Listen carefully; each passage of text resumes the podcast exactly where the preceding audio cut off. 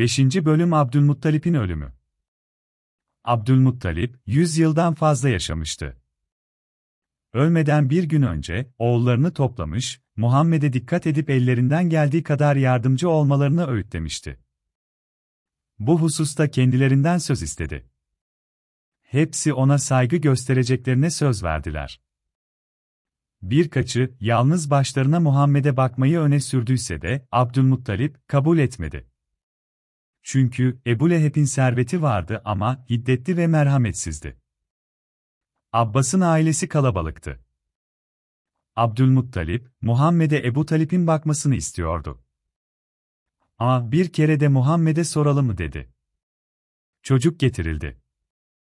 Abdülmuttalip, ye Muhammed, dedi, ben son saatlerimi yaşıyorum. Seni amcalarından birisine emanet edeceğim, içlerinden hangisini fazla seviyorsun, söyle. Çocuk, koşarak, Ebu Talip'in boynuna sarıldı. Abdülmuttalip, Muhammed'in seçiminden çok memnun olmuştu. Torununu öpüp kokladı ve Ebu Talip'e teslim etti. Ebu Talip, o günden sonra, Muhammed'i evlat edindi. Bu kardeş oğlunu, kendi oğullarından fazla sever, yanından ayırmazdı. Gittiği yerlere birlikte götürür, geceleri de yanında yatırırdı.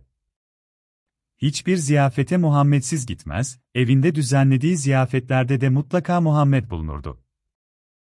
O yıl içinde Mekke dolayları, büyük bir kıtlığa uğramıştı. Ambarlarda bir dirhem zahire yoktu. Aç kalan yüzlerce insan, yiyecek bir şey bulabilmek ümidiyle Mekke'ye koşuyordu. Kureyş kabilesinin ileri gelenleri, başkanları Ebu Talip'e başvurarak, yağmur duasına çıkılmasını istedi. Havanın son derece sıcak olduğu bir gündü. Humlu çöl toprağı, bir damla yağmurun özlemini çekiyordu. Ebu Talip, halkın arzusunu yerine getirmek için evinden çıktı. O tarihte pek küçük yaşta bulunan Hazreti Muhammed'i de elinden tutarak haremi şerife götürdü. Orada binlerce insan toplanmış, Ebu Talip'in yolunu bekliyordu. Kureyş kabilesinin lideri, doğrudan Kabe'ye yöneldi ve o mübarek yerin duvarına sırtını dayayarak uzun ve etkili bir dua okudu. Amcası duasını bitirdikten sonra, Hazreti Muhammed'in eliyle gökyüzüne parmak kaldırdığı görüldü. Bulutlar, sanki onun bu işaretini bekliyormuş gibi toplanmaya başladı. Aradan çok geçmeden, Hicaz çölünde nadiren görülen şiddetli ve sağanak yağmur başladı. Ebu Talip, Muhammed ile birlikte eve dönene kadar ıslanmıştı. Ah, bu bereketli yağmuru büyük bir sevinçle karşıladı ve Mekke'de kutlamalar yapıldı. O sırada Mekke'de bulunan Arfete oğlu Celhem'e, bu olayı sonradan şöyle anlattı, o yıl ben de Mekkeliler arasındaydım. Kıtlık yüzünden büyük bir sıkıntı çekiliyordu. Halk, meydanlarda toplanarak birbirlerine ne yapacaklarını sordu. Mekkelilerin çoğu, yağmur yağması için putlara yalvarmaktan başka bir çözüm olmadığına inanıyordu. Birisi yüksek sesle LT ve Uzza'ya dua etmeleri çağrısında bulundu. LT ve Uzza, Arapların cahil dönemlerinde tapındığı iki büyük putun adıydı.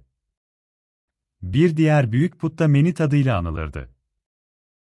Bazıları, LT ve Uzza yerine Menat'tan yardım istemenin daha doğru olacağını iddia ediyordu. İki taraf da kendi fikrini savunuyordu. Bu nedenle sözler uzadı ve bunu gören bir ihtiyar şöyle haykırdı, neden boş yere tartışıyorsunuz? İbrahim peygamber sülalesinden bir adam varken, neden putlardan yardım istersiniz? Bunu duyan kalabalık, kim o diye sordu. İhtiyar cevap verdi, Kureyş'in önde gelenlerinden Ebu Talip'i unuttunuz mu? Hemen onun yanına gidip yağmur duası için ona yalvaralım. Kalabalık, bu çağrı üzerine koşarak Ebu Talip'i buldu. Ebu Talip, halkın isteğine hemen uyanarak Kabe'nin duvarına sırtını dayayıp dua etmeye başladı. Ebu Talip duasını bitirdikten sonra küçük parmağını gökyüzüne doğru kaldırdı. O sırada gökyüzünde hiçbir bulut yokken, her yer bir anda bulutla kaplandı ve çok geçmeden sel halinde bir yağmur yağdı. Daha sonra Ebu Talip, bu olayla ilgili güzel bir kaside yazdı ve Hazreti Muhammed'in parmağının bir işaretiyle yağmur yağdırmak konusundaki kerametini anlattı. Rahip Buhayra Muhammed henüz 13 yaşındaydı ve amcası Ebu Talip Suriye'ye gitmek üzere hazırlanıyordu. Muhammed, amcasının hazırlıklarını görünce onunla birlikte gitmek istedi. Ebu Talip de Muhammed'i yanından ayıramayacağı için onu da yanına aldı. Anca ve yeğen Şam'a doğru yola çıktılar. Kervanda bulundukları sırada, Şam'a dört günlük mesafede bulunan Basra adlı yerde mola verdiler. Orada, saygıdeğer bir papaz olan Buhayra yaşıyordu. Buhayra, bölgedeki herkesin saygı duyduğu bir dindar ve bilgin bir adamdı. Gününü gecesine ibadet ederek geçiriyordu ve eski din kitaplarını derinlemesine inceliyordu.